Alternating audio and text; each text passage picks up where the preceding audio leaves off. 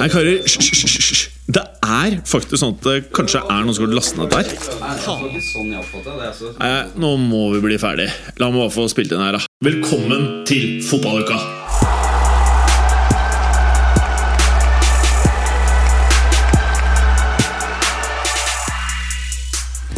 Ham, ham. Velkommen til ukens episode av Fotballuka!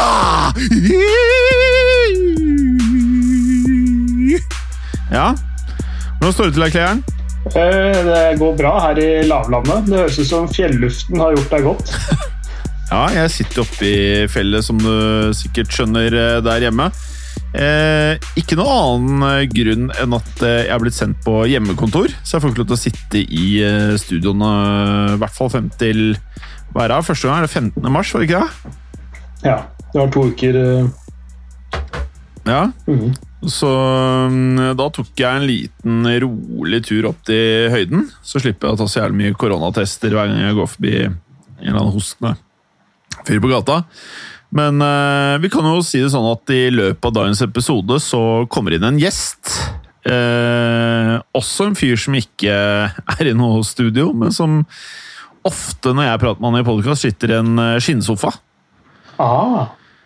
er, det derfor, er det derfor stemningen er så avslappet uh, i de, eh, den uh, nevnte podden? Ja, den nevnte podden, ja. Mm. Den vi ikke snakker om i denne podden. Ja. His historiepodden. Historiepodden. Uh, ja, er det så veldig rolig stemning der?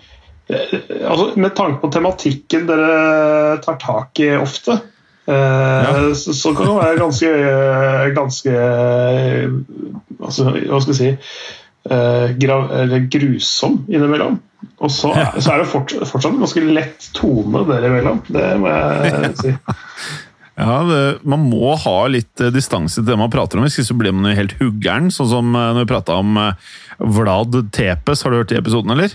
Ja, det er jeg. Altså, altså det er Dracula, for de som ikke kjenner til Ja. det. Mm. Altså, Han spidda folk opp gjennom rumpa. Ja. Eh, og noen ganger så valgte han da spydd som ikke var spisse, sånn at de skulle være sånn butte i enden. Sånn at når han hang opp gutta på disse speedene, så skulle det ta lengre tid før spiddet gikk gjennom kroppen. Og så tok det lengre tid før maltrakterte innvollene til eh, de han ikke likte. Og det er jo klart, hvis man lar seg prege da, er det ikke like lett å gjennomføre episoder. Nei, det er sant. Uh, og, hvis, og hvis du liker den slags, uh, som du snakka om nå, så kan jeg anbefale en tur til eh, Carcassonne, Uh, en, eh, en eh, gammel, gammel by i sørvest Frankrike. Eh, hvor de har en, eh, en borg og en sånn middelalderby nesten på topp på en høyde midt i, i byen. Eh, hvor, de også har et, hvor de også har et museum som er et sånn middelaldersk torturmuseum. Deilig! Det er ganske fiffige greier. Det er, Ja, du har vært der, høres det ut som. Det, jeg har vært der. Eh, og det, det husker jeg den dag i dag. Det er over 20 år siden. Så, så det, de, de var ganske utspekulerte i middelalderen. De visste hva smerte var, i hvert fall. De likte godt at kroppsdelene eh, kom lengst mulig unna hverandre. Ja. At eh, de helst ikke var en del av samme kropp. Det var de også veldig glad i. Mm. At delene kunne ligge forskjellige steder. Kanskje også gjøre ting som gjorde at delene ble helt borte. Altså nesten spist opp av f.eks. små rotter, eller ja, De hadde masse forskjellige varianter. ja. De, de var innovative. Ja. Alle veldig konstruktive måter å drepe mennesker på. Ja. Uansett, eh, Clayster, du er jo eh, så heldig at selv når det er korona, så får du lov til å eh, jobbe ganske hyppig, og du har med det kommentert en haug med snacks eh, siden sist vi pratet. Ja, det, det er helt riktig. Jeg hadde RB Leipzig eh, mot eh, Borussia Mönchengladbach på lørdag. Det er hvor eh, eh, Alexander Sørloth eh, kommer inn og snur matchen eh, sammen Syn. med gutta og blir matchvinner på overtid. Det, det var ganske gøyalt. Og så på søndag Men så han Sørloth, sånn, sånn er, det noe tak i den, eller? Han, han har et bra nivå der inne. Det, dessverre så har det ikke kommet ut ofte nok. Altså, han skårte bare, altså, bare sitt andre mål i Bundesliga faktisk med den matchvinnerskåringa nå, men, men han eh, jeg, ja, For jeg lurer på om han ikke er Altså, det, er, det, er lett å, det er lett å si det. selvfølgelig. Altså, man kan jo tenke seg at han har liksom kommet til et nivå som er litt for høyt for ham. Det, liksom, det, er lett å tenke det, da, men jeg, jeg tror nok heller det har med sånn til tilpasningsgreier. At det er et eh, ganske annet type system enn det han har spilt i noen gang tidligere. Helt andre type typer krav fra, fra en type som Nagelsmann, som er veldig sånn detaljert i måten han ønsker hvordan spillerne skal opptre på. Så det, det kan mm. at det har tatt litt lengre tid enn forventa. Men, men, eh, sånn som han spilte for nå på lørdag, kommer inn og er eh, direkte avgjørende og preger kampen såpass Altså har assist på reduseringa til 1-2 og skårer sjøl 3-2-målet på overtid. Han blir plukka ut på rundens lag, så vidt jeg skjønte, i, i kicker i, i Tyskland. Mm. Og det gjennom å ha spilt én omgang, og ikke hele kampen. Eh, mm. Det sier litt om hvordan han prega det. Da. Eh, så, og det er, det er ikke sett med norske øyne. Det er fordi han Nei. rett og slett var veldig god i den kampen, så får vi bare håpe at det varer. da. For da har du, Hvis du har en Sørloth i den formen og en uh, Braut Haaland i den formen han er i konstant, så, mm. så har uh, Norge et uh, rimelig greit spisspar til landskampen som kommer. Der er vi forskjellige, Clay. For at det eneste jeg tenker på, er alt mas i aviser og medier og over nettopp den tanken. da. Så, så vidt meg bekjent, så nå ser ikke jeg så jævlig mye norske landskamper, men uh, det er liksom bare Haaland som leverer, er det ikke? Ja, Av eh, spisser på det aller, aller øverste nivået? Nei, jevnt over spillere. Altså, er jo noen andre av gutta på landslaget som liksom ikke, altså, Nå prater jeg ikke om Det er sikkert noen som er helt ræva òg, men er det noen som liksom ikke, jeg, Åpenbart ingen som er på nivå med Haaland, men er det noen andre som på en måte litt sånn som Zlatan på Sverige. da. Du hadde en del andre spillere som, eh, som kunne bidra til at Zlatan ble bra nok. At han kunne liksom ta Sverige videre til ting. Har vi liksom støttespillere nok for, til Haaland til at det landslaget klarer å få til noe, på en måte? Ja, altså, altså du, har, du, har, spillere som presterer jevnlig på ganske gode lag andre steder. Han mm. Eh, nordmann som spiller i, i Rostov, er det vel? Eh, i Russland. Jeg får ikke sett så mye av russisk fotball. Rostok? Rostov. Rosh. Rostov? Og så, og så er det Fredrik Hvor. Hvor bra er han i Rostov? Fredrik Mitsjø og Jonas Svensson i Aset uh, gjør det bra. Uh, okay. uh, Fredrik Mitsjø en, har en stor stjerne i Nederland, faktisk. Så, så det, er, det fins noen, men det er liksom ikke den type Hva med disse Bodø-Glimt-gutta? Bør, man ikke bare mose de inn på laga? Virker som, burde eh, stilt opp med Bodø-Glimt, eh, sånn bortsett fra at en del av de ikke har norsk pass. Da. ja, det er det som er litt dumt. Ja. Nei, De har jo solgt noen av de nå. De, Jens Petter Hauge får jo, får jo litt sånn ja, Får ikke så veldig mye spiltid i, i Milan. Eh, Gjorde det ganske greit i starten, men uh, blitt litt mindre, så vidt jeg har skjønt, etter hvert. Uh, er ikke med i Europaligatroppen, faktisk. Mm. Så det er litt sp spesielt. Men, men, det kan komme seg. Det tar også tid. Husk at han har spilt Hadde jo ikke noen Vanligvis så, så har, jo, har jo folk en en eh, pause etter en sesong og en preseason og sånne ting, men han gikk jo rett ut av sesong eh, Eller, han, eller ikke ut av sesongen, han hoppa av midt i sesongen i Norge og rett på en, en helt full ny sesong i Italia. Mm. Ja, så, så, han har jo hatt mye som har skjedd de siste, siste månedene, så det kan hende at han eh, med en normal sesong nå og en sommerpause og en vanlig oppkjøring, at han er litt mer Eh, på G med de andre i, i klubben. Mm. Nå prata vi oss helt vekk med treig norsk fotball, men du preka jo om toppkamp her. Ja. ja, jeg, eh, Nederland så hadde jeg på søndag så hadde jeg eh, PSV Ajax. Mm.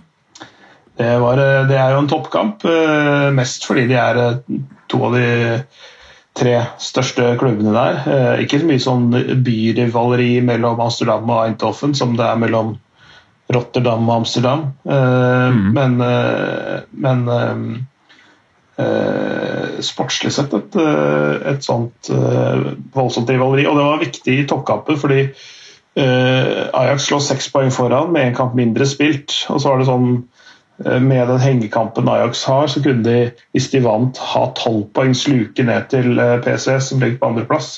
Men kunne også blitt redusert altså redusert hvis PSV hadde vunnet, men det endte 1-1 med en straffeskåring for Ajax eh, helt på tampen. Mm. Overtidsskåring. Eh, og så Hvordan ser liksom tabellen ut der nå? Ajax har 57, PSV har 51. Eh, Ajax har én kamp til gode. Eh, bak PSV så er det Aset med de to nordmenn som jeg nevnte, i tillegg til Håkon Evjen som kom fra Glimt for et år siden. Eh, han, eh, han har ikke fått spille så mye, men i det siste har han ko- fått, hatt noe, eh, noen gode kamper og skåret noen mål, sånn, så det kan at han får mer spilletid utover. Bak de på fjerdeplass er Fitesse fra Arnhem. De har 45 poeng, så det er fire poeng bak Aset igjen. Så er det feil. Fitesse, er det, er det de som har så sykt mange av Chelsea-spillerne? Ja, de er en samarbeidsklubb. Så Ja. Mason Jeg har kommentert uh, Fitesse-kampen med Mason Mount og, og sånn. Det er lett å glemme at de har faktisk av det hatt ganske sjuke lag, har de ikke det? Ja, sånn sett i ettertid. Det er ikke sånn De er ikke De har hatt en altså sånn fra én til tre Chelsea-spillere i troppen de siste siste åra. Det er jo det er ikke A-lagsspillerne til Chelsea de får. Nei. Så de er jo der for å høste erfaring og sånn. Så Og så har du det andre laget som jeg forbinder liksom med en av de store i Nederland, Feyenoord. Mm. De er på femte, ser jeg, med 43 poeng. ja. Eh, hvordan er årgangen der nå? Nei, der, der har du jo Hva skal jeg si det, de, de underpresterer, eller i hvert fall i forhold til eh, det fansen sjøl. Altså, de, de, de har jo det derre eh, De lider jo av det samme der eh, som mange andre steder, at fansen i deres øyne så er klubben større og burde prestere bedre enn det de gjør. Så må man jo se på spillematerialet er som er litt sånn ja, noen litt gamle, noen unge, noe henta inn utenfra. Det er kanskje ikke så harmonisk som det burde vært. da. Eh, og så har det vært eh, så har det Dick Advokat som trener. Eh, som er jo en rutinert herremann, må man jo si. Han er jo runda 70 og vel så det. Eh, Det har vært noen kontroverser eh, rundt for, for Han jo, skulle egentlig pensjonere seg han for et par år siden, men så har han jo tatt denne, denne jobben her. Eh, men Aset sin trener, eh, tidligere i hvert fall Arni Slott, han trente tidligere denne sesongen. Han, han hadde samtaler med Feinor eh, midt i sesongen nå, altså rett før jul eller når det var. Og, og så Det likte jo selvfølgelig ikke Aset Nei. og han fikk sparken. Eh, og Feinor ansatte han, da. Eh, så, så der har det vært en turbulens eh, og de klubbene imellom. Og det har vært litt sånn har ikke vært helt, gått helt ryddig for seg. Så, så det, er, det er ikke sånn mønsterbruk i klubbdrift akkurat Feinor da, når, de, når de snakker med en eh, rivaliserende klubbs trener. Det er litt sånn ufint. Men de har jævlig fete fotballdrakter. Det har det, og så har de en uh, fet stadion som uh, etter hvert skal bli erstatta av en helt flunkende ny moderne en. men, eh, Og de har noen av de råeste fansene i Europa også, Feyenoord. Så det Hvor svær blir den nye stadionet? Preker jeg vi internasjonal standard, eller ja, det, det er jo internasjonal standard på The Kaup allerede, men eh, eh, hvor, hvor svær skal den der nye stadion bli? Ja, det husker jeg ikke helt. De har jo Jeg kan google det. Hva kommer det til å hete? Feyenoord uh, New Stadium. Skal vi se her. Den skal Det er litt interessant. Uh, Det som er beyond me, er hvordan har Roman Abramovic ikke klart på alle de årene å få ut fingeren på en eller annen stadion?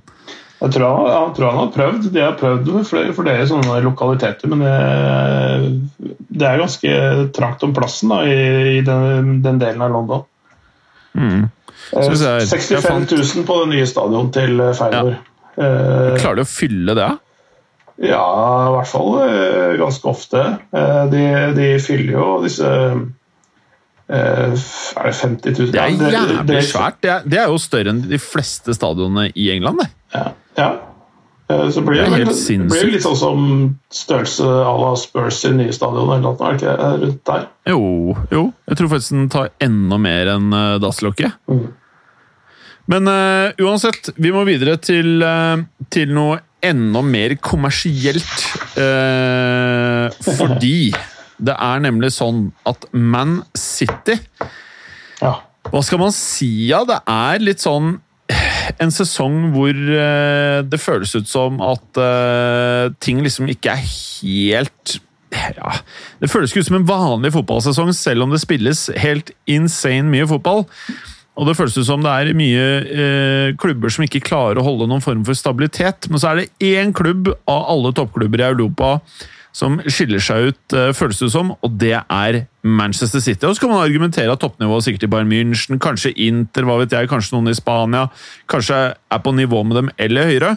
Men City, det, det de har fått til eh, i en så spesiell sesong, det derre kontinuiteten Det er helt sinnssykt, er det ikke? Jo, det er, det, det er, helt, eh, det er helt rått. Og de har jo tapt to kamper denne sesongen, og begge i Premier League. En kamp mot eh, Spurs og en mot eh, Leicester helt, helt, i starten av sesongen, så det var uh, andre Premier League-kampen. Vi tapte mm. 2-5 mot Leicester. Altså, de har hatt en helt sinnssyk sesong. Uh, uh, nå har de hatt skal vi se, er det, det, er 28 kamper på rad uten tap i alle turneringer.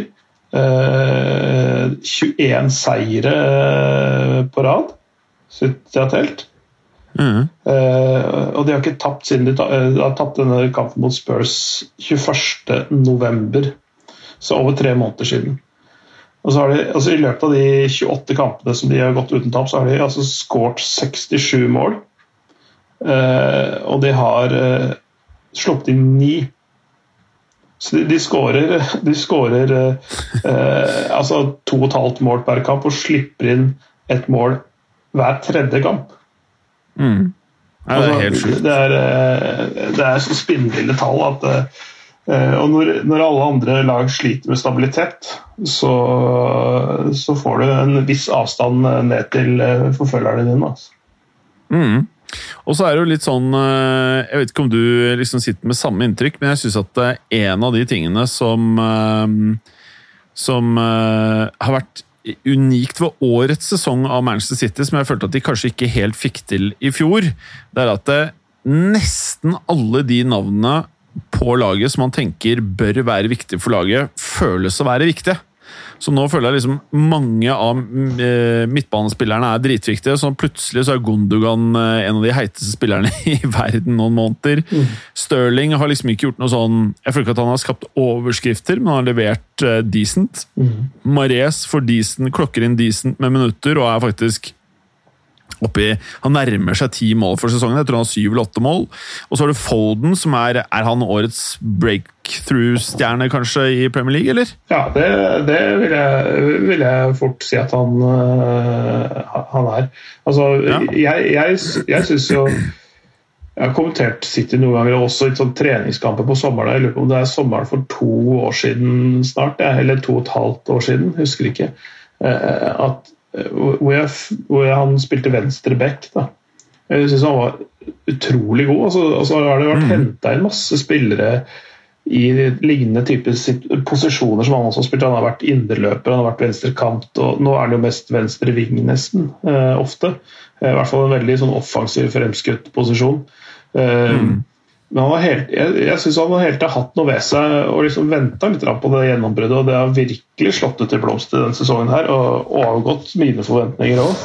Eh, mm. Så det er fantastisk gøy å se, og spesielt siden det er en ung engelskmann, da, ikke en, eh, en eh, altfor dyr portugiser eller et eller annet sånt som slår gjennom. Mm.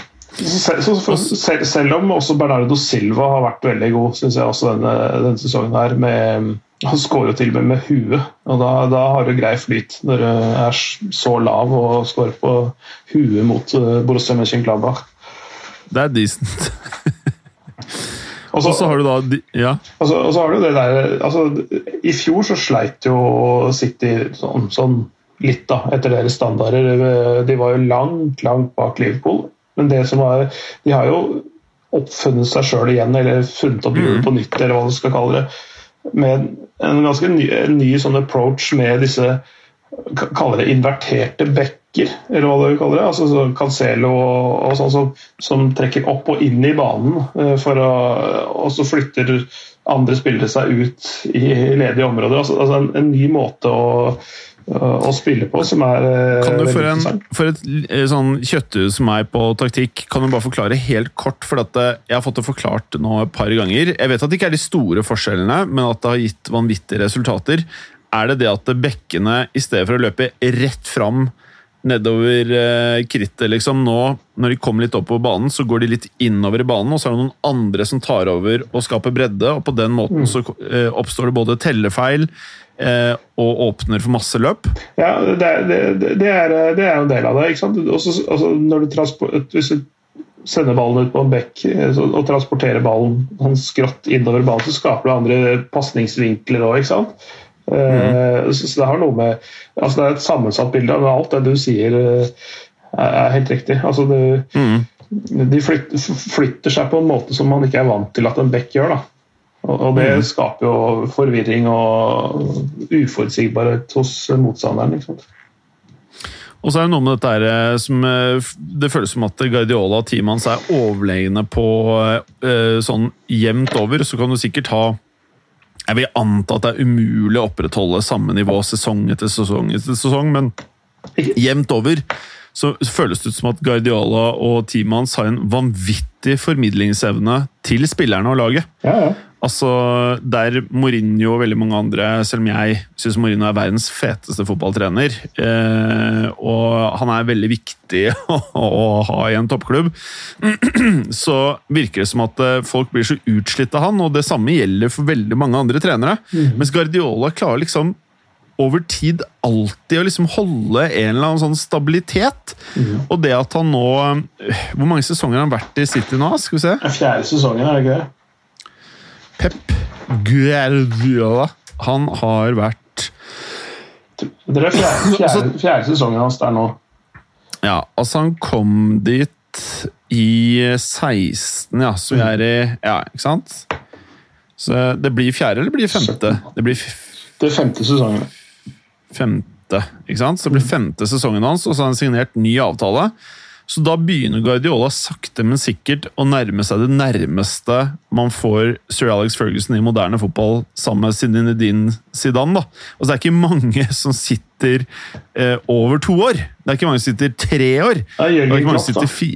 Ja, Han kom vel i men 2015. han, han ja, ja, ikke sant? Det er et poeng, men han har vel mer eller mindre sagt at han stikker på et eller annet tidspunkt? Eller ikke? Ja, ja, Han kommer ikke til å bli der til evig tid, han, nei. Nei, Mens Nei. med Guardiola så er det liksom det momentet hvor plutselig så Jeg hadde ikke blitt overrasket om tre år om det kommer ut at han fornyer med tre år til. Nei, Nei og det, det er jo sånn Tidligere så har han jo hatt sånne treårsstint. Det hadde han jo i Barcelona, det hadde han i, i Bayern München. Um, uh, så det at han er der såpass lenge nå, det er jo litt nytt for han også, for å si, for å si det sånn. Det, det som, men det som gjør at han det som gjør at han, han klarer å gjenskape suksess, er at han ikke gjentar seg sjøl. Det, det har noe med det å, å være he, hele tida være sulten og nysgjerrig eh, og, og komme opp med nye ideer som kan eh, Altså du vil jo på et eller annet tidspunkt bli avslørt eller lest såpass og, analysert i hjel, sånn at du kan, eh, kan finne, man kan finne svakheter i et, eh, også et City-lag. ikke sant? Men da, når, når de svakhetene har blitt avslørt, så finner han på noe nytt som er vanskelig å tolke. Eh, og, og Det er nettopp dette grepet som har gjort med de bekkene, for eksempel, som, som uh, gjør at de fortsatt kan dominere, men på en annen måte enn det de gjorde for to år siden. ikke sant? Og, og mm. vi hele tida også så gi nye arbeidsoppgaver til spillerne, så holder du også de skarpe og friske uh, mentalt sett. da. Så de ikke blir mm. slitne av å gjøre det samme år ut og år inn, at det aldri skjer noe nytt. At det, at det hele tida er nye ting som uh, nye utfordringer som møter deg i en og samme klubb. Men så, er det ekstremt viktig å legge til at uh, Pep Guardiola og det er mange som har trent store klubber som ikke har fått til det samme, men det er, bare greit å ha nevnt det i denne samtalen at uh, han har uh, som profesjonell trener stort sett trent de best, blant de beste klubbene i verden til enhver tid. Og da tenker vi både i form av eksisterende stall når han tar over, og også evnen til å bruke penger i eh, overgangsmarkedet. Så vi må jo si at uh, han har jo blæsta cash ja. i City. Ja. Altså, han har jo bare skuffa dollars og euros inni en svær kamin som bare har eh, bare fått pengene til å fordufte. Så det er jo klart at noe annet blir jo også feil å forvente. Man, kan, man, man, kan heller, man må jo stille høye krav til et sånt type prosjekt, må man ikke det? Jo, definitivt. Det er ikke sånn at eh, uh, han uh, vinner, vinner noen nobelpris for sin, sin gjerning akkurat her. Fordi, fordi han, man forventer resultater av en sånn type pengebruk, men samtidig, penger er ikke alt. og han, han har han har noe som svært få andre trenere har. Da. Den innovasjonslysten og driven som han har, er, er en sjeldenhet. Definitivt. Mm. Um, og, og, og, så skal det sies at han også selv om spillere da, eh, på en måte ikke nødvendigvis lykkes enten med en gang, eller at de, de treffer en hump i veien og, og får liksom en sånn stopp i karrieren, så klarer han han er ikke sånn som nødvendigvis slår hånda av deg fordi du eh, ikke funker der og da, men han, eh, han er, har en viss tålmodighet òg, da. Mm. Hvis du ser på John Stones, f.eks.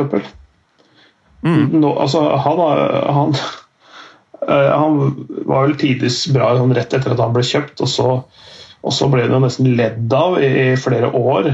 Ja, Han var eksempler på bom. Ja, ikke sant? Og de brukte jo masse penger på det. Men se, se, nå, da. Han og Ruben Diaz nå. Det er fantastisk, ikke sant?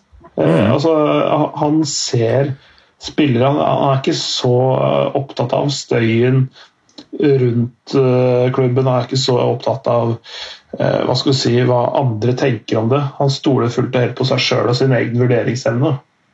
Og det, mm. det, det, tror jeg du trenger i en sånn, sånn jobb som det der. Hvis, hvis, hvis Også, du blir påvirka av, av, omgivelsene og ikke tror på eget prosjekt, så er det jo dødt med en gang. Mm. Vi kan jo nevne at, at altså, Nå har jo de fått et helt vanvittig forsvar. Åpenbart. De slipper jo nesten ikke inn mål. Eh, Ruben Diaz må vel få en del ære. Kan, er det en sammenligning å gjøre der mellom eh, kjøp av Ruben Diaz og van Dijk? Eh, ja, men, nå, nå, nå, nå, var jo på en måte hva skal si, City som klubb og som eh, hvis du sier vinnende klubb da, de siste, siste årene et litt annet sted å komme til enn, enn det Liverpool var når van Dijk kom dit. Mm. Uh, så det er jo kommer på en måte inn i en hva skal si, inn i et miljø som er vant til å vinne mer enn det Liverpool var da van Dijk kom inn. Så, så, men, men, ja, som en, sånn, eh, som en slags sånn, eh, sånn eh, refreshment av stallen. Så, så, så han har liksom fått de opp et hakk igjen. Han, mm. Diaz heller var ikke så veldig god nødvendigvis i de første kampene. Det var litt sånn, litt sånn blanda drops de første kampene der. Men etter hvert også blitt stabiliteten sjøl. 23 år gammel og er eh, helt konge. Ja, og så har du da, og det er lett å glemme oppi alt dette her, da. De kjøpte også Nathan Ake, eller Ake, eller Aki, eller hvordan man sier dette her. Ache. Hvor er han fra? Nederland? Jeg er fra, Ake. Jeg er fra Nederland, men jeg husker ikke helt eh, hva slags Ache. type Ache. kulturell okay. bakgrunn han har. Men Ake ville jeg sagt, for det er en sånn aksent over ja. EM på slutten. Men Nederlands we say Ak. Jeg vet ikke. Uansett. Eh, han ble jo tidlig skada, han viste jo lovende Jeg har aldri vært noe sånn veldig fan av fyren. Jeg syns han er god på huet og litt sånn forskjellig, god på dødballer og sånn. Eh, fremover på banen. Eh, og så plutselig så funker jo da Stones og Diaz, og så kommer Laporte tilbake fra, fra skade. Og så var det plutselig tre sjuke stoppere. Fra at du hadde et lag hvor ingen stoppere egentlig funka, til at du har tre stoppere som er dritbra. Og Diaz virker å være liksom van Dijken. Han er førstevalget til enhver tid. Og så gjør Pep noe så utradisjonelt som å rotere stoppeplassen. Altså, han roterer til og med makkeren til Ruben Diaz, får jeg litt følelsen av. Mm. Så noen ganger starter Stones, noen ganger starter Laporte. Eh, og sånn er det. Og I tillegg til det så må vi jo kunne si, fordi vi har jo prata eh, sammen med Bergeren om at eh, når Cancelo var i Juventus, så var han steinbra frem på banen, men at han kanskje ikke var eh, helhetlig komplett nok til å være en av de eh, beste bekkene i verden. Mm. Men så plutselig her i dette City-laget så virker det noe som han Jeg vet ikke. Jeg kan ikke nevne sykt mange bekkere heller ville hatt i, i den formen Cancelo er i nå, kanskje? Nei, altså, men, men, det er jo sånn at han ser, altså, hans egenskaper kommer til rett når uh, han spiller på et lag som City. og sånn. Han, mm. han hadde ikke sett like uh, fantastisk ut i Burnley, f.eks. Nei, det tror jeg du har rett i. Uh, fordi du spiller på en helt annen Eller måte. Eller et lag som type Manchester United, f.eks. Ja, ja, kanskje det. men, eh, men, eh, men, altså, det har jo litt med spillemåten og Når du dominerer så mye, så trenger du heller ikke å konsentrere deg så veldig mye om det som skjer bak deg. Nei. For det skjer aldri noe. Ballen er aldri der. Nei. og så videre så har du da mm, en fyr som eh, Jeg har aldri vært helt sikker på navnet hans heller. Shitsjenko. Sinchenko. Ja. Eh, som er eh, ja, litt backup. Og så har du da Walker, som er den andre bekken som ser ut til å få en del spilletid. Mm. Og så har du da Mendy, som virker å være eh, skadefri, og som på et eller annet tidspunkt i historien for meg virket som å være nye Marcello. Han virket å være nye Roberto Carlos. Og så kom skadene, og så har det liksom ikke blitt noen kontinuitet. Og så føler jeg at han er litt glemt nå, med den såpass velfungerende eh, forsvarslinja til, eh, til, City. Så er det vanskelig å trenge inn der, føler jeg. Ja, definitivt. Eh, og som, og som Beck så altså Jeg, jeg syns jo Hva skal vi si eh, Han har eh, noen absolutt noen uh, helt uh, enorme sider ved seg, men også litt sånn røff i kantene, hvis, kan, hvis, kan, hvis det gir noe mening mm. å si det. Litt sånn, mm. litt sånn uraffinert uh, type. Mm. Men, men og så er det dette skadeproblematikken. så han, på det, det er ikke, han er ikke så, si, så, så jevn og pålitelig. Altså, altså han er veldig duellsterk, kjapp, uh, slår ofte gode innlegg, syns jeg. Mm. En eh, sjuk angrepsspiller, vil jeg si. Ja, ja. Eh, masse trøkken. Men hvis han, hvis han først liksom bom, hvis han har en match hvor han bommer litt på timinga og er litt sånn, litt sånn off uh, Har en off-dag på jobb, så, det, så, ser det så fryktelig dårlig ut. Da. Han har ikke så mye mm. annet å spille på. Mm. Uh, så, så han, har, han, er litt mer endimensjonal hvis du kan kalle det det, enn f.eks. Casele, som har litt flere strenger å spille på. Mm. Og så videre så er det en av de spillerne som jeg føler blir prata ekstremt lite om, men som etter hva jeg har forstått er den spilleren som har spilt tredd flest minutter på City-laget. Altså den som har spilt mest, er da Ederson eh, i mål. Og så er det Ruben Diaz, og så tett etterfulgt av, av Rodrigo Hernandez. Og Rodrigo Hernandez er det jo mange som eh, ved fjorårssesongen mente kanskje ikke var på et nivå City verdig. Men nå spiller han stort sett eh, ja, jeg, jeg, føler han er en viktig del av, eh, av City.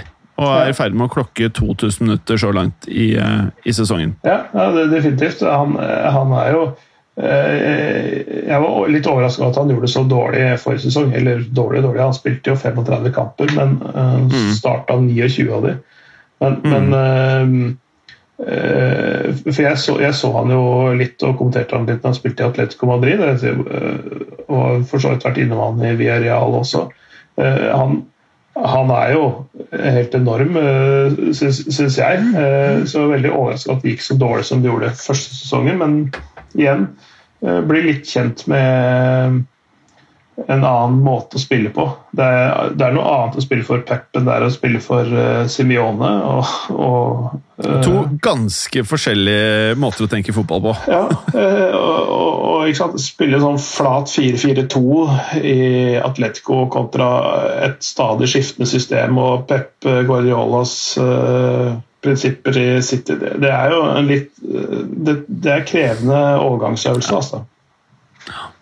Helt klart. Eh, så han skal ha mye kreditt, og det er jo ikke helt ute i natta å melde at det at Rodrigo har fått en sesong til på seg til å stabilisere sin rolle eh, på laget, i tillegg til Ruben Diaz, at de to sammen har bidratt noe ekstremt. For man skal også huske på oppi alt dette her, som vi ikke har prata om hittil, liksom, vi må innom dette her, mm. det er at eh, kanskje deres aller beste spiller over eh, siste, ja, siste tiåret Sergio Aguero spiller jo omtrent ikke. Nei. Ikke sant? Han har ikke, han har ikke, han har ikke skåret i Premier League denne sesongen. Nei. Og han har vel eh, Han har ikke spilt én eh, hel kamp, og uh, forrige runde så var det kun andre gang han spilte over 60 minutter. Ja. Han har, han har, hvis du samler sammen alle minuttene hans, så er det jo det er to kamper pluss to og en halv kamp. da. Så da må man huske på at når du i tillegg erstatteren hans er eh, Jesus, som eh, vel de aller fleste ikke føler er up to the task, er, det, er du av den eh, meningen, eller? Altså, han er, han er ingen Aguero, men Nei. han er heller han er heller ikke Aguero. altså, altså, han er ikke den typen spiller, han, og han brukes annerledes. Ehm, hvis, man ser litt på hvordan City, City opptrer, så, så, er han ofte en spiller som drifter ut mot venstresiden og lar andre ta plass inne, inne foran mål. Så han brukes på en helt annen måte enn det Aguero ble gjort. Ja. Og med det, så litt sånn ja, sånn midtveis i sendinga, så har vi en som er med i en podkast vi sjelden ønsker å Eller tør å nevne navnet på i denne podkasten, i hvert fall. Eh, som plutselig endte Ja, nei, ikke den. En annen podkast eh, som handler om eh, stort sett flatfyll og bomber. Eh, nei, ikke fyrverkeri og, og øl. Eh, hallo, Morten Gallosen. Halla hjem. Hallo. Jeg, jeg, du er litt sånn rød i kinna i dag, eller? Ja, mulig. Eh, det er litt uh, temperatursvingninger i leiligheten i dag. Ja. Men uh, Nei Det er en annen ting som gjør at man kan bli rød i kinna òg, vet du. Ja, uh, ikke det denne gangen. Nei, jeg, jeg, jeg, la merke, jeg, la merke, til en ting som, uh, som mange sikkert har advart mot uh, det siste året med digitale møter og, og, alt sånt. og Det er at uh, man kan jo bare komme krasjende inn i samtalene til folk. ja. Så velkommen ja, til meg. Ja, og, og, og det, er, det, er, sjeldent så hyggelig å bli krasja av en sånn fyr som deg. da. Egentlig ganske behagelig. Ja, Det er ikke så digg å bli krasja av meg ellers, eh, tror jeg. Men uh, bra, bra det er hit jeg har kommet. Er det noen som kan sette pris på det, så er det jo dere to. uh, vi, vi, vi, har prata veldig mye om uh, nederlandsk fotball, Gallosen. Det er vel heller ikke en av dine sånn Det er ikke der du har lagt uh, å si, mesteparten av TV-tiden din? Ikke mest, men ikke, ikke minst heller. Nei. Ikke, nei, ikke minst, nei. nei det. Eh, sånn at eh, Vi skal jo snart innom eh, litt fransk fotball. Og så bare sånn, Vi kan jo runde av med Manchester City her. og si at vi må ta en liten sånn update på det litt senere i sesongen. Men det ser ut til å hvert fall være hvert fall så langt, i den grad man kan sammenligne disse klubbene som har uendelig med penger. innenfor den lille sfæren av klubber så virker det som at dette her er det mest sensasjonelle så langt i sesongen. i hvert fall. Ja. En eller annen kan være bekreftende i det jeg sier, i det minste. Ja, ja. Nei, jeg, jeg, synes, eh, jeg, jeg, er veldig, er veldig, imponert. Altså, I det, i det klimaet som har vært denne sesongen, eh, med alle, alle, mulige utfordringer som kom på toppen av det å være topplag i utgangspunktet, eh, så syns jeg de har hatt en helt vanvittig imponerende stabilitet. Som du nesten ikke kan finne noe annet sted, i hvert fall i topp fem-ligaene. Og når man går vekk fra topp fem ligaer, eh, Gallosen, så finner man eh, en liga der eh, Metzot Odzil eh, Spilleren? Jeg vet ikke, Han er der, men spiller han nå? Ja da, han spiller. Det, det, har ikke vært noe fyrverkeri foreløpig. Um, Fenerbahçe har ikke blitt noe merkbart bedre av å få en litt aldrende, kanskje litt mett uh, Mesut Özil uh, foreløpig. Det var det, det, var det, det var det ingen som kunne se for seg. Nei. jeg var jo ganske optimistisk sist jeg var her. Det var jo da han uh, kom. Mm. Før han hadde satt fot i Tyrkia, vel, omtrent. Men nei, han, han trenger nok litt tid på å spille seg i form. Et par år, eller? Ja, kanskje. Kanskje. det, det, tok, det, tok, et halvt år før Bale kom i gang i Tottenham òg. Altså, hvis du kan dra, dra, en sånn sammenligning, da. Ja, det tar et par år før. Hazard er god i Real Madrid. Da. Ja, Han kommer aldri til å bli bra der! Han blir bare større og større! Hvis, har, hvis Real Madrid fortsatt har den dealen med Nutella, så, så, så tror jeg det aldri går. Det, det de hadde når Casano var der. ja. Uh, nei, men sånn uh, Hva tenker du om det mm, Øzil-kjøpet nå? Er du like happy, liksom, eller? Nei, altså det, det, det, er jo ikke han, eh, det er ikke han som har floppa foreløpig. Han, han, har spilt seg inn på laget, spilt seg i form og uh, er jo av de bedre. Det er bare at resten av laget har ikke hengt sammen heller de siste ukene. Så mye av det har med at en annen gammel traver som folk har glemt, Luis Gustavo, han oh. skada seg vel i den siste kampen før Øsel begynte å starte. Eh, og med det så forsvant veldig mye av grunnlaget for å i det hele tatt få ballen opp til Øsel og, og uh, ha et balansert lag. Da. Han er utrolig mm. viktig for, uh, for hvordan de spiller. Ja, det, det, det, Gustavo, husker jeg. Ja, han, er, han er jo veldig bra. Og det gikk jo bra lenge. De er jo fortsatt i en bedre posisjon enn det de pleier å være, med å bare være tre poeng bak førsteplassen, uh, Fener. Men de har to tap på de siste fem kampene. Mm. Det, det, ja, det, men det, det, henger med, da. Og det er, ja, men... det, er, det er en kul toppstrid der sånn med Besjiktas og Galatasaray på plass, delt førsteplass, eller på 57 poeng foran der. Ja, også i dag eh, så har jo Galatasaray spilt eh, borte mot Ankara Guju og tapt. Eh, ganske sjokkerende. 2-1. Et Ankara Guju-lag som kjemper under streken.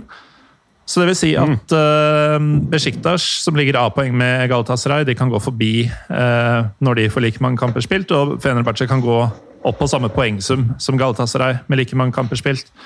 Mm. Um, så det er jo de tre klassiske traverne som for første gang på mange år er de tre det står imellom, og det er jo kult i seg sjøl. Mm. Og er dette her eh, noe travere som man kan se i internasjonal fotball, eller? Det er vel ingen av dem som er med på noe som helst uh, nå? Nei.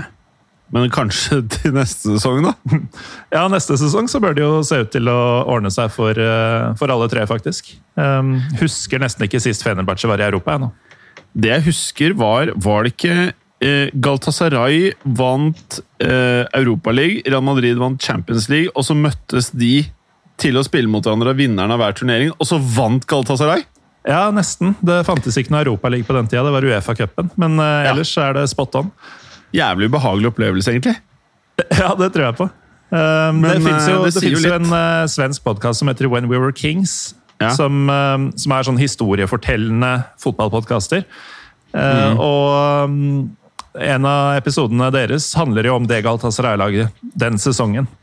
Mm. Hva de drev med, hvordan de ble sånn, og, og hva som skjedde. Utrolig bra episode. Vitaminbjørner? Mm.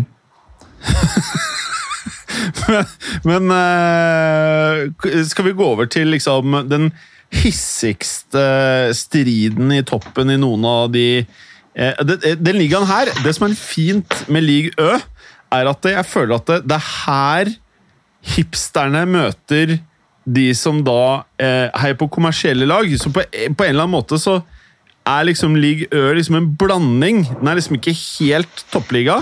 Den er litt for, Det er litt for mye penger. det er litt for mye penger til at eh, det liksom eh, Den er akseptert av de som liker litt ikke-kommersiell fotball også. Så vi er i litt sånn ingenmannsland på en måte, men andre vil hevde at det er en toppliga, selvfølgelig.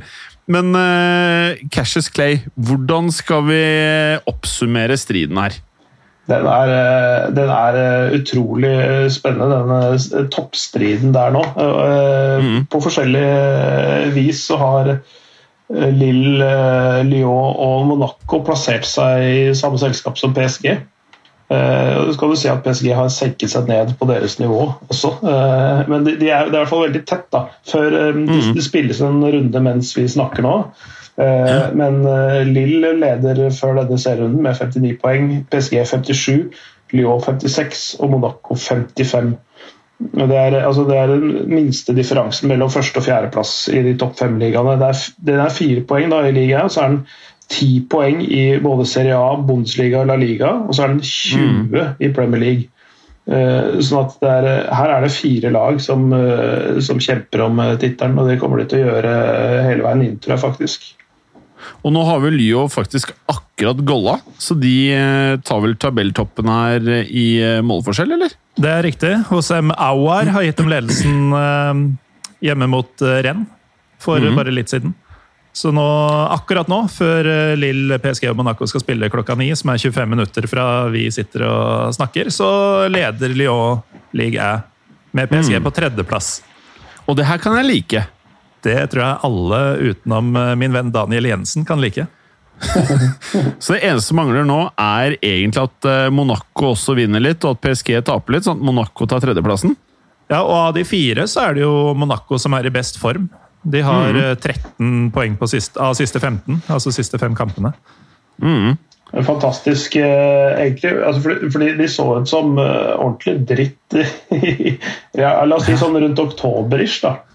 Men mm. siden, siden, det så har de så sakte, men sikkert skrudd det til. Og, og eh, Jeg var ikke Niko Kovac sin største fan.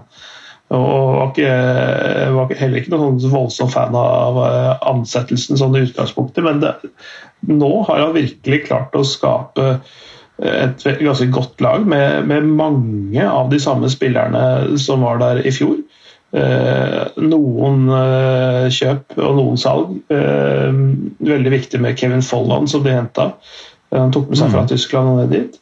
Eh, altså han, Kevin Folland og Ben Yedder på topp har vært fantastiske. Men det er, som, det er mange også unge spillere som er sånn i aldersspennet 19 til 21 som, som, kommer til å være stjerner i enda større ligaer enn mm. liga uh, videre. Dette høres ikke ut som Monaco, Clay. Masse spennende 19-20-21-åringer som, som du har trua på? Ja, ja er, men, men, stort sett så, så funker det jo. da. Altså, stort sett Det som kommer opp gjennom Monaco-systemet som gjør det bra i Monaco, de, de, de, blir, eh, de blir, store spillere andre steder òg. Da tenker jeg først og fremst på eh, Benoit Badiachil, selvfølgelig. Stopperen som er 19 år gammel. Han var mange som ønska seg i sommer. Um, jeg syns Aksel Disasi var har vært eh, bra. Eh, han, han kledde jo av eh, Mbappé nå nylig når Monaco slo PSG. Mm. Og, altså Monaco har slått PSG begge kampene denne sesongen. Deilig. til og med Jibril Sidibé begynner å se, se, bra ut igjen når han kom seg tilbake til sørkysten. Golovin har gjort det bra. Han er jo ikke mer 24 år gammel. Uh, Chouameni på midten, Sofian Diop. Uh, det er mange, mange spillere som gjør det veldig bra der. Det er morsomt at du skulle nevne han der eh, Ben Jedder. Jeg syns han er en fyr man ikke verken prater så mye om eller har hørt veldig mye ros om. Men han har jo faktisk ganske decent stats et par sesonger nå, da. Mm. Ja, det, ja. Så Altså, han, han, var jo også bra i, eh, i Sevilla tidvis. Altså, han hadde én drittsesong uh, i midten der, men, men, han hadde jo 18 mål ja, den siste sesongen der. Uh, mm. Det er rimelig bra. Han er en sånn litt sånn artig type å se på. Så han er ikke veldig høy av vekst, men veldig sånn tett og kompakt, lavt tyngdepunktspiller. Han er, er, ikke så veldig ulik Aguero, faktisk, hvis du ser på en måte måten han spiller på. Han er mm. tidligere futsalspiller òg, så du ser at han har en liten ja. måte, måte, å behandle ballen på som er litt sånn futsalaktig. og Det er litt morsomt å se på. Han har en sånn litt, litt, litt annen tilnærming til ballbehandling enn en tradisjonell fotballspiller. Men sånn rent uh, statistikkmessig så var han jo faktisk bedre i Sevilla enn han var i Toulouse, som, uh, som ja, ja. vi kjøpte den fra. Endte med 71 skåringer i begge klubber, men på færre kamper i Sevilla. Ja. Ja, altså, altså, han var, var, jo, var, jo, en betydelig dårligere klubb. da. Altså, så Toulouse i det franske landskapet var en dårligere klubb enn det Sevilla var i det spanske landskapet. Eh, så, så han var jo ofte et sånt angrep alene, han i Toulouse. Mm. Altså, han er 1,70 høy. Altså, fyren er en liten ert. Lavt, lavt tyngdepunkt. Ja, og det har vi jo Lavt sett. alt. Det var jo eh, lite alt. Ja, han var jo, altså det var jo trendy en periode, å være en liten knøtt på ref. Barcelona og Spania-årene der. Og så har det vel blitt med det, at det sånn, eh, også etter det er en fordel å være litt større. Men eh, hvordan tror vi dette her galskapet i Frankrike kommer til å ende? Eh, jeg har uh jeg har lyst til å holde en knapp på, eh, på Lyon, faktisk. Jeg har lyst på det sjæl, jeg. Uh, Så det er, bare, det er, bare, trist at jeg føler at det laget der blir litt sånn revet i stykker etter sesongen. Jeg. Ja, men det, men det, gjør ikke noe. Uh, så lenge de vinner nå, så er det helt greit. Det, det samme skjedde jo med, med, Monaco også i 2017. Uh, mm. Men, men jeg, nå, nå, har PSG har hatt eh, sine problemer. Eh, nå har de jo også fått Moise Keane ut med covid-19, så han er ikke med. Neymar er ikke med i returoppgjøret til Barcelona-kampen. De er skade skadet på Verratti. Det er, liksom, det er mange sånne små, småting i tillegg til at de he hele tida får en eller annen ganske sentral spiller smitta. Så de har en jobb å gjøre med smittevernet i den klubben der. Uh, Lill har jeg synes et spennende lag. Det er mange spillere som går under radaren, bl.a. noen tyrkere uh, som uh, gjør det bra der. I, uh, i tillegg til gjennombruddsspillere som Sven Botman, og så har du Ikone og Bamba og David på topp. Og, og det, det, er en, kanskje Frankrikes beste keeper. Kanskje han burde være førstekeeperen neste landskap. Da du ramsa opp de fremre spillerne der, så heter alle Jonathan. Ja, det gjør det. Så er, eh, du kan ha en trio som heter Jonathan på topp. Hva heter denne keeperen, sa du? Mike Mignon. Han har vært, eh, vært tredjekeeper i en del eh, landslagssamlinger, men det er uh, Hugo Loris er ikke det han en gang var.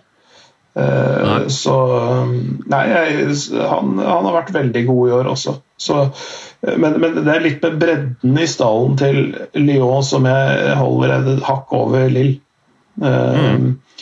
Uh, og så har de litt, uh, i hvert fall i nyere tid Jeg husker bare for at de herja i Champions League. De har i hvert fall litt sånn herre de har jo vist for nye generasjoner av spillere at de kan, faktisk kan få det til. da. Jeg føler at uh, Nå vant vel Lill også for ikke så lenge siden, var det ikke sånn? da? Ja, de, altså Lill vant i, i 2011. Ja. Uh, det er, men det er vel riktig å si at i nyere tid at eh, Lyon har, eh, har faktisk en del suksess å vise til både i, i Frankrike og også internasjonalt? Altså, altså, I, så, i serien, serien, så har jo ikke de vunnet siden 2008. Eller 2007. Uh, uh, uh, men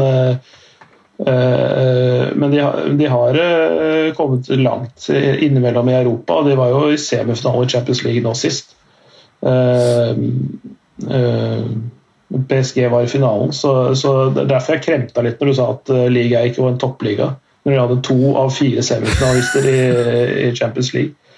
Uh, så du, du, tråkker meg litt på tærne når du snakker ned uh, Jo, jo jeg, jeg, trekker tilbake. De er jo det. De er jo det, men uh, det er digg hvis det er to-tre andre lag enn det fæle PSG ja. som uh, ikke trenger å selge alle spillerne. Mm. Det er poenget. Ja, og det, det, er spennende. Altså, Lyon er i en sånn posisjon at de ikke trenger å gjøre det, men de har noen de har bl.a. en Depay på en utgående kontrakt som kan bli litt vanskelig å erstatte. For, det, for, en sånn type som han er ikke, vokser ikke på trær. Altså. Nei. Men kan jeg bare spørre, hvor ille er det i Marseille? oh, Leste jeg riktig? Ansatte de San Pauli nå? Ja, han er Jorge, Jorge Sampaoli er ny trener i Marseille.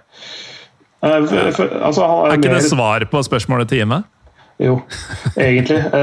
Men, men, altså, men, der har det også vært sånn at Uh, altså Sportsdirektøren, uh, om ikke han sjøl avsatte, så erstatta han klubbpresidenten. Så han klubbpresidenten som har vært i begivenhetenes sentrum den siste tida, han er ute av den posisjonen. Han har plass i styret fortsatt, men Pablo Longoria, han unge sportsdirektøren, har nå også blitt klubbpresident. de rydder opp i speideravdelingen.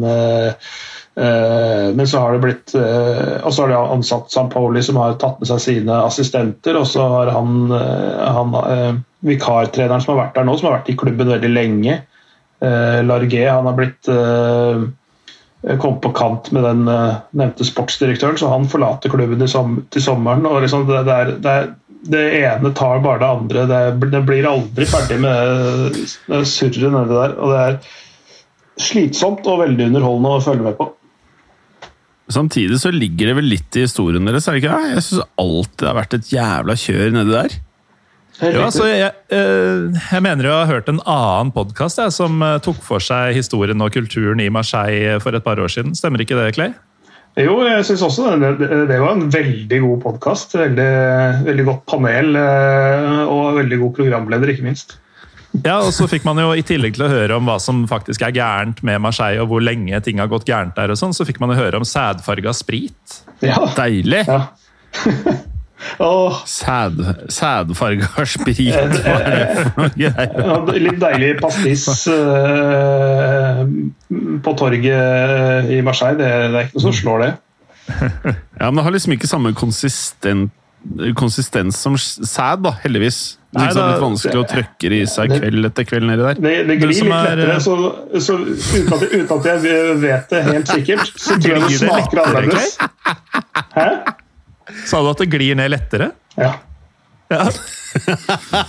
Men, uh, jeg, jeg, jeg, vil anta det gjør, gjør det, og så tror jeg det ja, også smaker annerledes. Hvordan veit du det? Nei, ja, det veit jeg ikke noe ja, det glir nok. Jeg kan se for meg at det glir lettere, i hvert fall. Men sånn eh, kaosmessig, da, så mm, Jeg har jo ikke vært noen av stedene, men jeg liker jo å si at Marseille er eh, Frankrikes Napoli. Altså, Deilig. Altså ikke bare klubben, men byen og kulturen og kaoset som hører til.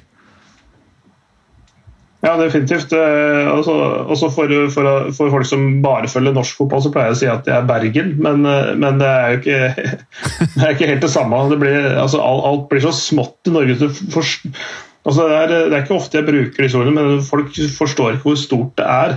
Eh, egentlig. Mm. Eh, altså Hvordan Marseille er i den byen, og hvordan Napoli er i, i sin by. Eh, det er ikke sammenlignbart med noe som helst her i Norge. Men Bergen, er det en sammenligning fordi det er mye rør der, da, eller? Ja. Og fordi at eh, det er høy fotballinteresse òg, kanskje? Eller? Ja, høy fotballinteresse. Nesten alltid kaos. De klarer nesten aldri å ta eh, avgjørelser som uh, varer og, og vedvarer. Ja, alle, sånn. alle, viktige avgjørelser i Bergen, Marseille og Napoli de tas i ekstrem affekt tiden. Mens bergenserne er på en måte den norske versjonen av dette, så du kan bare tenke deg når du får det der sydlandske middelhavsblodet inn i, inn i styrerommene og sånn. Ja, bare, men det der Marseille-kjøret, det er liksom det, det, er en del av greia, en del av setupet der. Det er vel ikke rasjonelt å, å, å, å tenke at det skal endre seg med det første? Nei, det kommer aldri til å endre seg. Deilig! Uh, ok, kan vi ikke nå Nå har vi uh, runda av timen her. Kan vi ikke liksom prate litt Kan ikke, kan ikke du velge noe nå, Gallosen? Fra, fra, ditt univers. Du driver jo en annen podkast, og der er det jo et litt annet univers enn mange andre univers. ja. Um, nå var jo ikke jeg forberedt på å være her i det hele tatt. Uh, som du sa, jeg er litt rød i trynet. Jeg kommer rett fra en liten blund, faktisk. um, du kommer i hvert fall rett fra sengen. Jeg vet ikke om det var blund, men ja. Sorry. Jeg drikker, drikker pastis i senga. Drikke noe annet. Nei, nå har jo du allerede takket oss med til Øseland og, og Marseille, så jeg vet liksom ikke helt hva mer kokegreier jeg skal komme med, men det, det, det, koker jo bra i deler av Berlin, gjør det ikke det? Du har jo noen ja. tentakler nede i den byen òg, har du ikke det? Jo, det har jeg jo for så vidt. Det er jo det er jo en veldig merkelig Bundesliga-sesong. Altså, Union er jo soleklart best i Berlin. Uh, I den såkalt vanskelige andre sesongen så pusher jo Union på europaplasser. Ligger foran Mönchengladbach på tabellen, f.eks. Og nå er det bare elleve matcher igjen av sesongen. Det er ikke noe sånn blaff lenger. Uh, helt oppi ræva på Leverkosen og til dels Dortmund. Mens uh, Hertha, de, de, de, er i trøbbel. altså. De er ett poeng fra direkte nedrykk nå. Og det er jo et Herta som har fått inn masse sånn investormillioner og handla inn altså uh, Tosar uh, kjenner jo du til, uh, Clay. Um, Guendossi fra, fra, Arsenal har kommet inn. Um, Piatek fra, fra Milan kom i fjor. Sami Kivira kom i vinterpausen. Ja, altså De har brukt Deilig. mye penger på etablerte spillere og har jo Hvis man hører på Drita Halvseth Jeg name-dropper bare andre podkaster i hytt og pine i dag. Jeg, jeg hører det. Um, så har jo en del av greia med disse nye pengene har vært at Berlin skal nå bli en megaklubb. Eller Hertha oh, Berlin, da. Big City eller en Club. Big, big City Club. Og um, de, uh, Før så var de jo sånn møkk kjedelige, men de ble alltid nummer ti. i hvert fall. Det var aldri noen fare for noe som helst. Men uh, etter at de har begynt å satse og skal bli et topplag, det er jo da de har blitt et båndlag. Ja, det er så, fascinerende å se på. Mm. Så har de henta Freddy Bobic vel fra, fra Frankfurt òg, som sportsdirektør, var det ikke det? Jo, og det er jo helt spasa, fordi han, han gjør en kjempejobb i Frankfurt. Og skulle jo tro det var motiverende for han og se hvor langt dette kan gå. For de driver jo kåler rundt opp i Champions League-sumpa, holdt jeg på å si. Ja. Og så skal han gå derfra, eh, fra et prosjekt som han har stålkontroll på, og the sky's the limit, på en måte, til da muligens andre Bundesliga med et meget vaklevorent Hertha Berlin. Mm. Så det er mye rart i Tyskland. Altså, man liker å se på Tyskland som sånn strigla, profesjonelt uh, level-headed uh, sted. Altså det motsatte av Marseille på alle måter. Men det er fryktelig mye tull i tysk fotball. Mm. Mm. Vil du si at uh, altså Union Berlin, som da med små ressurser uh, som klarer seg å drive og nikke på europacupplasser, er litt sånn uh, er litt sånn som Bundesligas svar på Mjøndalen? Så, så. Forrige, forrige, sesong så kunne man sagt det, for da var det bare sånn stangefotball også.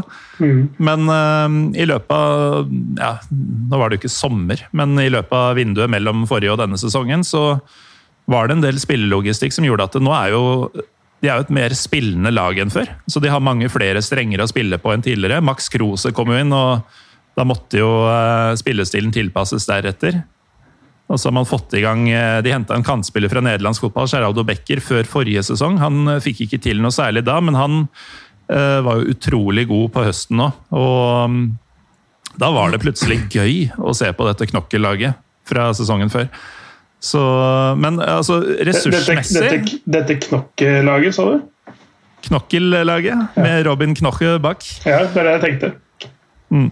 Nå har forresten Loris Karius uh, fått spille et par kamper. Fordi uh, Andreas Lote ble skada. Og han står egentlig ganske bra. Savner du han, eller, Clay? Det jeg er for så vidt en fin type, han. Nei, jeg syns bare jævlig synd på det. Altså, det er sånn, det er sånn der, en sånn karrierehendelse som jeg ikke egentlig unner noen. Altså, det, det, den der finalen spesielt. da. Ja, men det, det ødela han jo. Altså, han gikk, mm. uh, gikk på lån til Besjiktas etterpå. Da tenker man jo at en Premier League-keeper som har stått Champions League for dette Premier League-laget, han skal være mer enn god nok for det her. Han var så tabbebefengt uh, mm. den perioden i, i Tyrkia. Uh, latterliggjort der også. Det sitter mellom øra, ass. Ja, mm. så, så, er han jo da plutselig andre keeper for det billigste laget omtrent i Bundesliga. Eh, bak en fyr som er 33 år gammel og først nå har blitt førstekeeper for første gang i sin karriere i, i en hvilken som helst klubb. Mm. Der er han heller ikke førstevalget. Han fikk debuten sin i cupen hjemme mot et lag fra andre nivå. Slipper inn tre mål, taper 3-2 på hjemmebane mot uh, dette laget. Ryker ut av cupen, og så har han ikke spilt siden, før han da ble uh, tvinget inn i laget igjen nå. da. Så um, Det har bare gått et par kamper. Han har ikke gjort noe kødd ennå, men det er liksom sånn, det er siste sjanse nå. Ja, jeg, jeg husker jeg synes det var litt sånn nitrist for Karius en del, som hadde spilt eh, Champions League-finale. Som kunne vært eh, det man skulle fortelle barnebarna om, men det tror jeg ikke Karius gjør med akkurat den finalen han spilte. Men når jeg så han spilte eh, og Therese ble ganske kjørt, kjørt ganske hardt av Sarpsborg spillere på kunstgresset der i Europaligaen. Det, det, var, altså det spranget der jeg sprang ned fra det, den scenen han eh, sto på uh, mm. halvannet år tidligere. Det er så enormt, ass. Mm. Så jeg stakkars. Jeg, jeg, jeg, jeg, håper han eh, får seg en fin reise i Berlin. Jeg. Gjør det. Jeg bryr meg ikke så mye om hva som skjer med men jeg vet i hvert fall at Borussia Dortmund de ser ut til å være litt fornøyd med han der nye fyren sin. Treneren, eller? Og så er liksom spørsmålet eh, Vi prater jo ofte om i den podkasten her da, om at Borussia Dortmund er et av de feteste lagene å se på i Europa. Eh, er det noen som vet noe om hans fotballfilosofi fra tidligere, eller eh, hvordan er det? Eh, tenk på han eh, interim-treneren de har nå. Ja. Edin Terzic. Jeg ja. hadde ikke hørt om han før dette. Han er jo 38 år, da. Og det er jo mm. litt sånn Eh, det er jo et tegn i, i, tiden i Tyskland at eh, det er dukker stadig opp unge trenere som, eh, som ikke er mye eldre enn en spillerne sine, og ikke, ofte ikke eldre i det hele tatt enn spillerne sine. Så det er veldig mye spennende tanker der, og det er kult at altså En ting er jo om Mainz eller Hoffenheim, som er klubber uten press, prøver seg på noe sånt, men at Dortmund gjør det i en veldig trykka tid, det er jo Eh, det er både spennende og imponerende. Nå er det jo også sånn at De, mm. de har jo ikke tenkt å beholde den. da. Eh, de har jo henta Marco Rose fra Glabach, som kommer etter sesongen. Så altså Enten så er jo Terzic tilbake til assistentrolle eller til et juniorlag, eller noe sånt, eller så blir dette muligheten hans for å vise andre klubber som går på trenerjakt til sommeren, at uh, han kan ha noe å fare med. Han gjør seg, han gjør seg jo lekker eh, for øyeblikket, eh, holdt jeg på å si. Han var vel U19-trener i Dortmund før dette her eh, skjedde. Marco Rosso skal jo ta med seg assistenten sin, René Maric, og, og sånn. Så, så, jeg vet ikke om han får noen assistentrolle. Det blir jo litt lenger ned i hierarkiet i så fall. Men hvis de fortsetter å gjøre det sånn høvelig bra nå utover, så kan, det, så kan det hende at han får seg en egen klubb over sommeren. Eh, mm. Som, som, Morten sier. Og det, er, eh, det, gikk ikke så veldig bra i starten for han da. Det, det, gikk, det var jo noen kamper eh, hvor det så virkelig dårlig ut. Men det så dårlig ut på slutten av Favre sitt øh, sin regjeringstid. og Han klarte ikke å snu skipet sånn helt umiddelbart, men det begynner å se bedre ut nå. Definitivt. Mm.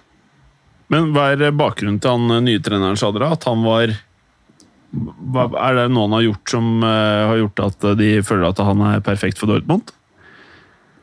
Han som skal komme til sommeren, tenker du? Ja. ja. ja han var jo Han var vel Haaland sin trener i Salzburg.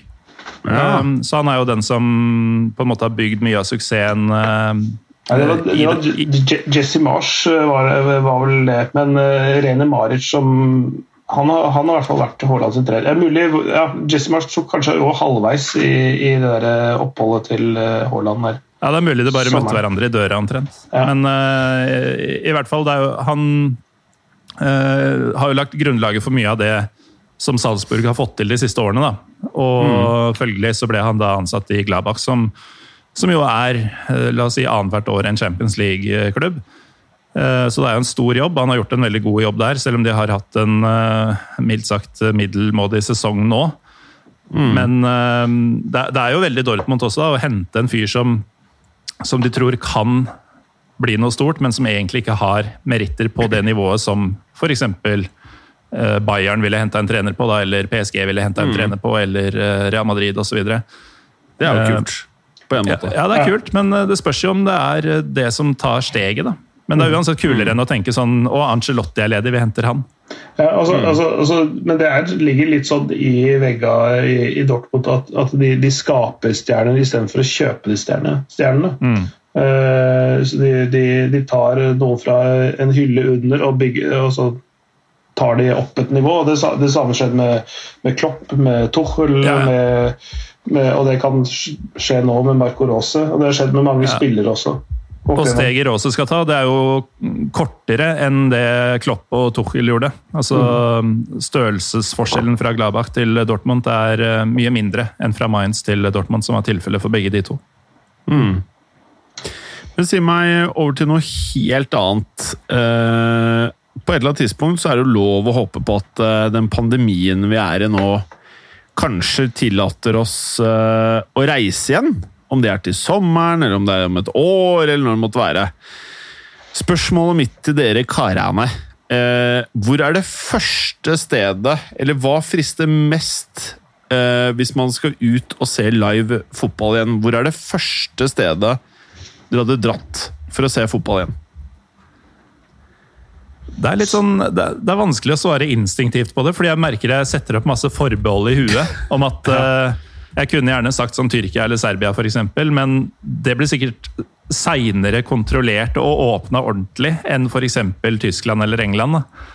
Um, jeg tror jeg lander på Tyskland. Altså. Litt kjedelig svar, kanskje, men uh, det har alt jeg trenger. For, uh, Union, eller? Ja, aller helst. Men, uh, men, man kan nesten ikke trå feil altså, hvis man er ute etter en, en kul by en, en, god eh, helg med kompiser og eh, bra, eller i hvert fall en kul fotballopplevelse, så er det nesten vanskelig å trå feil i både første og andre Bundesliga. Mm. Fordelen fordel med Tyskland er at det er såpass uh, lett å reise der sånn til vanlig. Uh, at du kan gjerne få med deg to, tre, fire kamper på en helg på de to mm. øverste nivåene. Uh, alt er liksom innenfor én til to timers togtur omtrent. ikke sant? Så hvis du setter deg sjøl på rett plass, så får du med deg mye. Uh, og så er det jo billig, billig øl og god, mm. god, mat, så hvorfor ikke? Ja, nei, jeg har jo nevnt 100 ganger den derre uh, 1860-turen din. Ja, uh, altså det er eh, det feteste jeg har opplevd av live fotball. Det er ingenting som er sammenlignbart. Jeg kan nevne f.eks. sånn Chelsea United Champions League-finalen, men det er, det er, noe helt annet. Du sitter med, det er, det er mer som å gå på kino. Du ser en mm. uh, flott spillefilm som på en måte du skjønner er påkosta og alt det greiene der, men uh, det er fetere å se uh, Peter Jackson sin 'Brain Dead' før han ble stor regissør, som var laget på lavbudsjett, bare masse griseblod overalt, liksom. Det var, det var litt Ja, he, helt unikt. Og så bare det derre for meg som ikke er mye på tyske stadioner, bare noe så enkelt som det å kjøpe øl på stadion. Så mm. får du de derre begerne.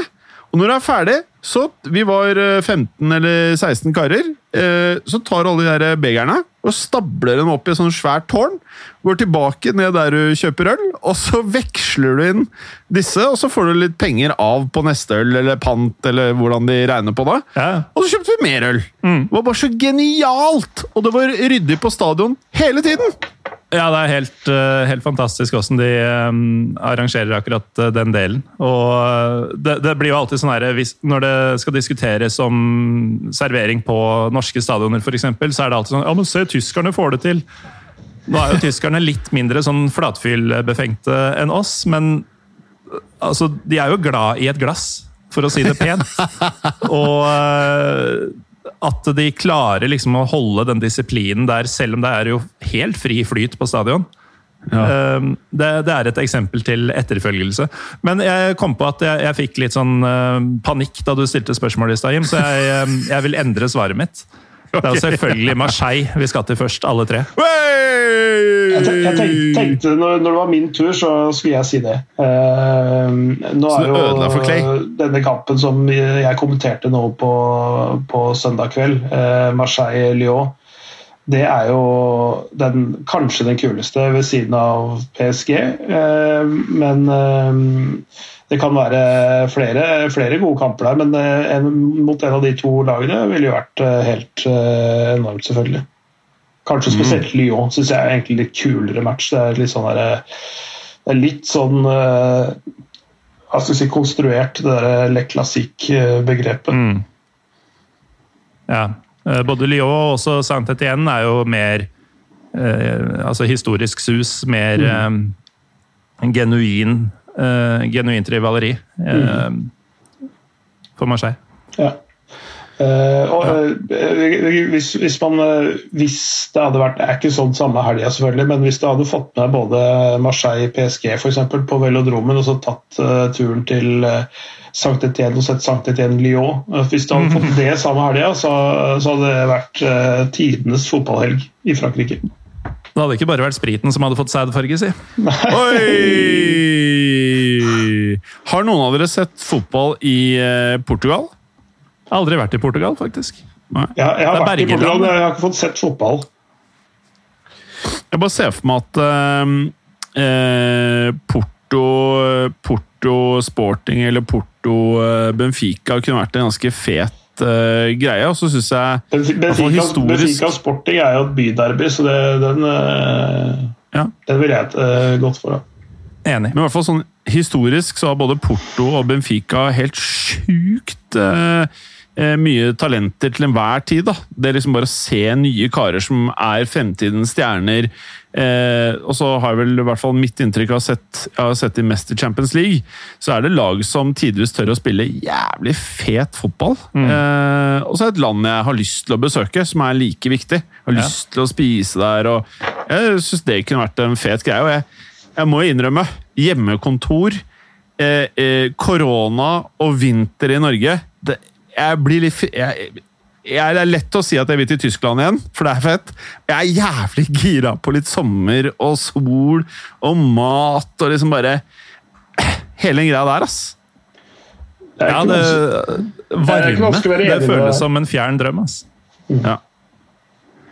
Nei, men blir, eh, Portugal ja. så tror jeg kan være kult på mange måter. Altså, litt, litt, eh, det er jo for så vidt mest sånn i Frankrike og Tyskland også, men, men det, det, er i hvert fall ikke så mye turister som drar dit for å se på fotball. Mm. Uh, så, så, du vil få en la oss si en mer hva skal si, Kall det en ekte opplevelse. da. Uh, nå, begynner, nå begynner det å bli såpass populært å dra til Tyskland at du kan risikere å støte på norske gjenger på stadion der det er helt grusomt sånn, sånn sett i England, uh, men, men, men På en Spurs-kamp så hører du liksom Å dra til, dra til Lisboa eller dra til Porto og se, se, se, matcher der sånn, da treffer du ikke mange andre nordmenn. altså. Nå har aldri vært på en uh, Liverpool-kamp uh, i Liverpool, men i hvert fall jeg har vært på noen Spurs-kamper og litt sånn forskjellig, og da hører du andre nordmenn, liksom. Mm. Uh, og så Altså, hvor dritt er det, holdt jeg på å si sånn, egentlig? Men eh, jeg er enig at det tar enig at det tar litt vekk fra liksom den genuine opplevelsen, på en måte. Men eh, jeg driter jo samtidig litt i det. Men eh, jeg, mm. jeg, jeg er helt enig, det er diggere å stikke et sånt sted hvor det bare er lokale, liksom. Ja, altså Det som er med å høre norsk rundt seg, det er jo Man kan jo liksom fade det ut og, og sånn, men det er jo på en måte en påminnelse om at du ikke er så jævlig langt hjemmefra. Det. Det, mm. det er digg å bare ikke få den når du er ute og reiser, og, og tenke at uh, nå er jeg faktisk ikke i Norge. Mm. Uh, men bortsett fra det, så er det jo fair å dra på en fotballtur liksom, sammen med kompisene. Men én ting jeg har lyst til å gjøre, og det det, det, det det, er nok noe av det første jeg tror jeg kommer til å melde meg på når det er mulig igjen det er å stikke på en eller annen sånn herre Når du har fortalt Morten om sånne Jeg vet ikke hvor det har vært, jeg i Romania eller det, noen sånne land hvor Jeg har sett bilder at det bare er en der benk og en fotballbane og noen lokale som står med noen spritflasker. altså jeg, var jo på noe sånt, det var i Romania. Sånn fjerdedivisjons groundhopping-opplegg i, i Transylvania ja. Eh, for eh, to år siden i, i disse dager. Og da, da, var det sånne gamle tretribuner og sånn, og man sto med spritflaska i hånda, som du sier. Og eh, jeg bestemte meg for å På den ene kampen så sto vi på sånn ganske råtten, gammel tretribune og satt, sto og drakk og koste oss, og det ble 4-0 til hjemmelaget i, i påskesola og sånn. Og så bestemte jeg meg for at på de neste måla til hjemmelaget, da, på sånn stillinga 1-0-2-0 og begynte å bli litt marinert i både det ene og det andre, at uh, nå skal jeg rase. Dvs. Si, løpe ned uh, mot gjerdet hver gang det blir scoring. Og da ga jo den ene planka etter. Det var heldigvis sånn på nederste, nederste trinnet på tribunen. Så du havna på banen, eller? Nei, nei. Det var bare at uh, tribunen var så råtten at den tålte ikke at jeg la litt vekt i, uh, i firspranget mitt nedover. Sånn får, du ikke, sånn får du ikke i Liverpool.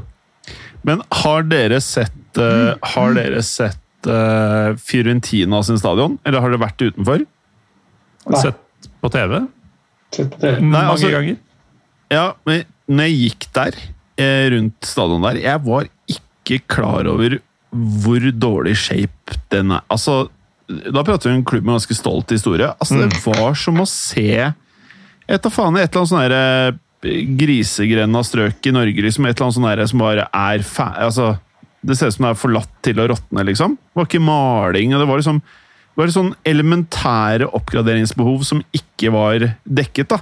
Mm. Og når du er i, i, et land hvor fotballen er så stor, en av topp tre ligaer i verden, det er ganske sånn Det er litt spesielt, på en måte. Men øh, ja. Nei, men jeg er gira på Romania og Transylvania og det ene og andre. Altså. Jeg har, jeg har et eh, forslag til til fotballtur som, eh, som kanskje er den, den, ultimate turen som jeg eh, ønsker meg. Jeg skal til Argentina. Så apropos stadioner som på toppnivå som ikke henger helt sammen. Altså, jeg har sett bilder fra La Bombonera når og, hele tribunen står og hopper. og Så ser du betongelementer som beveger seg fram og tilbake. Mm. Liksom. Uh, ja. uh, men å dra til, dra til Argentina, uh, se et derby i Buenos Aires og et derby i Rosario og så ta en tur inn til uh, foten av Andesfjellene, ved, altså i Mendoza, vinnerområdet der, drikke rødvin og spise biff. Oh. Og se, oh. se, derby i både Buenos Aires og Rosario, så har, vi, så har du fotballtur. Og spise ja. kjøtt? Jeg blir med. Jeg blir med. Altså, kanskje, det... ta, kanskje ta, ta, båten over uh, bukta til uh, Montevideo og se litt fotball i Uruguay òg. Jeg må jo ta en liten titt. Jeg er med på det òg. Og med det så ender vi jo da med å visualisere for lytterne hvordan det faktisk kommer til å bli om ikke så altfor lenge. Du, du sa lyttere, jeg trodde vi hadde kunder. Nei, kundene, lytterne, de som sitter og hører på dette her. Mm. Eh, bare vit at på et eller annet tidspunkt så skal vi dytte dere alle inn på en eh, danskebåt uten mulighet for å få korona. Det kommer til å skje. Jeg trodde du skulle si uten mulighet for å flykte. ja, det kunne like godt vært det. Altså, bare... altså, apropos, apropos, det, det er jo en av de gamle danskebåtene eh, som, som trafikkerer den der ruta fra Buenos Aires til Montevideo faktisk. oh, ja? Jeg tror det er Petter Wessel eller et eller annet sånt, en, altså, en av de gamle ferjene som gikk i mm. Skagerrak tidligere. Oh, ja? Tenk på det. Bra karer. Stå på. Eh, jeg vet ikke om vi skal eh, ønske deg lykke til med stjernen på laget ditt, eh, Morten. Jeg håper neste gang du kommer, kommer inn her, så har han i hvert fall golla eller hatt en assist eller et eller annet. Det hadde vært nice, ass. Og med det, Clay, eh, vi ses til neste uke. Ha det godt. Ha det. Vi høres. Takk for at du hadde høre på. Vi er Fotballuka på Twitter, Facebook og Instagram. Følg oss gjerne. Ses neste uke. Men bare få høre. Den tror jeg blir litt fet. Moderne media.